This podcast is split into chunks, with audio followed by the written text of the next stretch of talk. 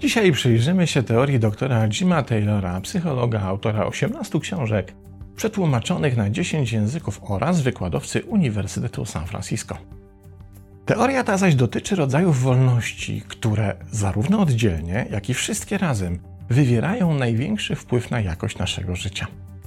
Zanim jednak przejdziemy do teorii wolności, zajrzymy do Stefana i Grażyny, którzy raz są razem, raz nie są i w końcu już trudno się w tym połapać. Póki co jednak siedzą przed telewizorem, wcinają chipsy, popijając winem i komentują właśnie oglądany program. Ty, Stefan, mówi w pewnym momencie Grażyna, a weź zrób 10 pompek, jak ten gość z telewizora. A wiesz, że mógłbym to zrobić? Pręży swoje muskuły Stefan. No, dopowiada Grażyna. Wczoraj też mówiłeś, że dogonimy tramwaj, a ja w szpilkach biegłam szybciej od ciebie. A potem nie wiadomo było, czy cię reanimować, czy od razu upchać w oknie życia, żeby cię zwrócić. Odezwała się wyczynowa nimfa błotna, odparował Stefan. Myślisz, że nie widzę, jak te fałdy wpychasz pod rajty? A kto w nocy buszował w białej szafie, wyżerając ostatnie serdelki? A ty musisz być taką wredną mędą, odcina się Grażyna. Całe życie słyszałam od facetów takie wstawki, począwszy od dziadka, ojca i tych niedojdów z podstawówki. Ja się potem dziwię, że nie jestem normalna. Nie wyjeżdżaj mi z problemami, bo mam większe od ciebie, mówi Stefan. Co noc mi się śni, że szukam kibla i zanim znajdę, to mnie strącają do przepaści. A w dzieciństwie to mi zainstalowali taką traumę, że już trzeci psychoterapeuta przeze mnie zrezygnował z wykonywania zawodu.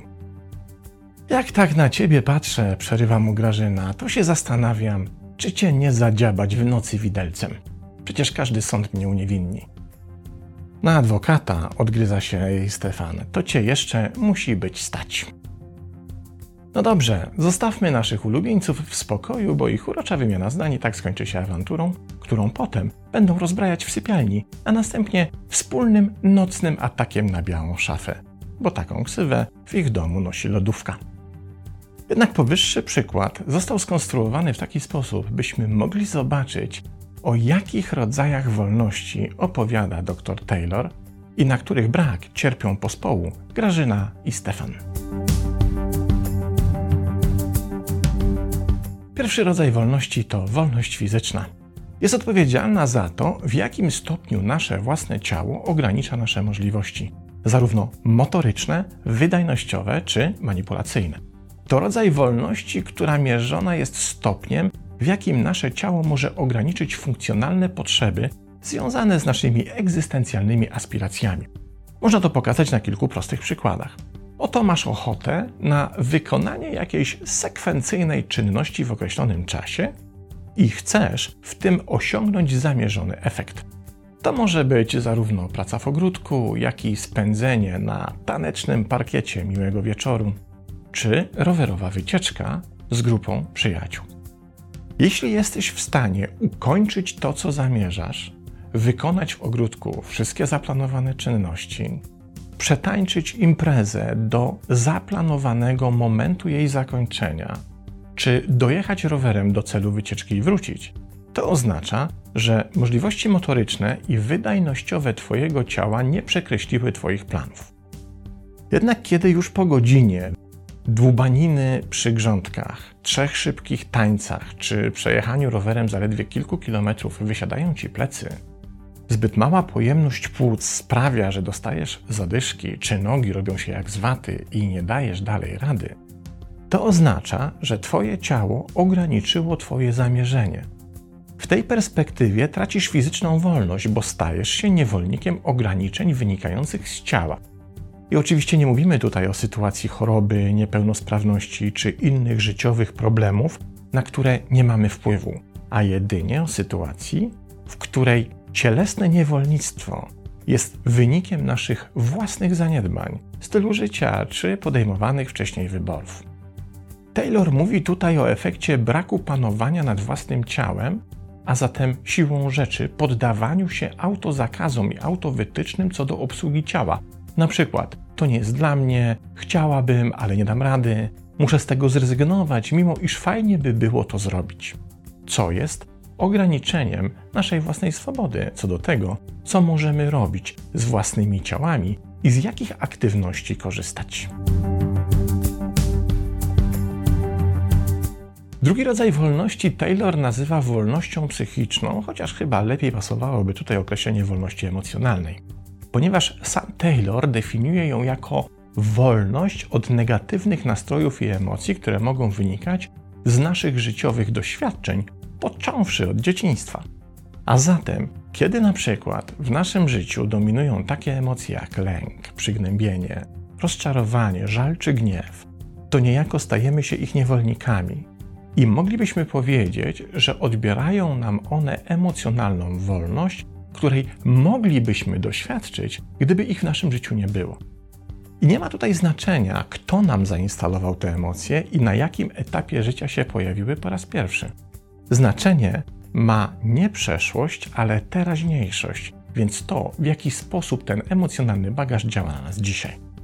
Kiedy te emocje zaczynają stawać na drodze naszych marzeń, zamierzeń czy w ogóle chęci wiedzenia po prostu zwyczajnego, spełnionego życia, to jednocześnie sprawiają, że nie jesteśmy dostatecznie wolni w dokonywaniu wyborów czy decydowaniu o tym, jak ma wyglądać nasze życie. I to emocjonalne zniewolenie może być obecne w naszym życiu na wielu poziomach. Od poziomu nie mogę być szczęśliwa, bo nie wyglądam tak, jakbym chciała, przez poziom nie podejmę tego wyzwania, bo wiem, że na pewno sobie nie poradzę, bo nie zasługuję na szansę, aż po poziom nie potrafię zasnąć, bo stres związany z życiem powoli mnie zabija. Niewolnictwo emocjonalne zatem występuje wszędzie tam, gdzie doświadczamy emocjonalnych blokad, czy też tam, gdzie określone emocje przejmują kontrolę nad naszą aktywnością, odbierając nam możliwość skorzystania z tego, z czego byśmy mogli skorzystać, gdybyśmy byli wolni od psychicznych i emocjonalnych problemów, z którymi się zmagamy. Trzeci rodzaj wolności to wolność relacyjna, która jest definiowana jako pełna partycypacja w korzyściach płynących z budowania silnych więzi, zdrowych relacji i wspólnych pozytywnych doświadczeń w koncentrycznych kręgach rodziny, przyjaciół czy społeczności, w których egzystujemy. To wolność nieograniczająca czerpania z bliskości, satysfakcjonującego dzielenia życia z innymi czy aktów wymiany wsparcia, empatii i realizowania wzajemnych potrzeb. Tutaj pojawia się pewna trudność wynikająca z potrzeby oddania nieco pola wolności własnej, by doświadczyć wolności relacyjnej.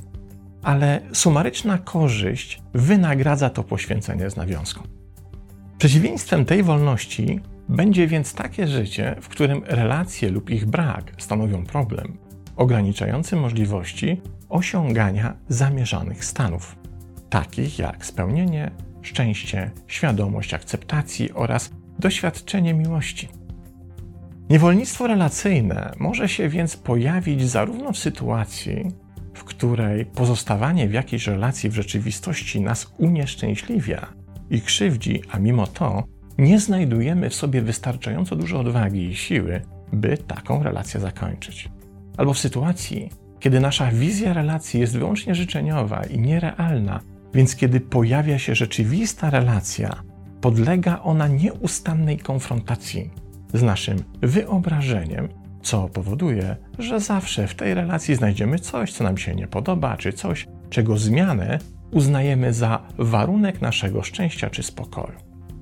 To również sytuacja, w której nie ucząc się na poprzednich błędach, wciąż angażujemy się w podobnie destrukcyjne relacje, lub kiedy uznajemy siebie za niezasługujących na troskę, uczucie czy docenienie.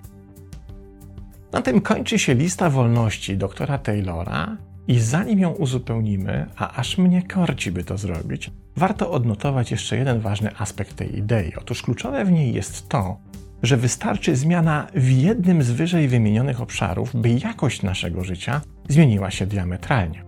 Uzyskanie każdej z tych trzech wolności, nawet w sytuacji, w której pozostałe wciąż nam umykają, podnosi jakość naszego życia nie o zaledwie jedną trzecią, ale kilkukrotnie.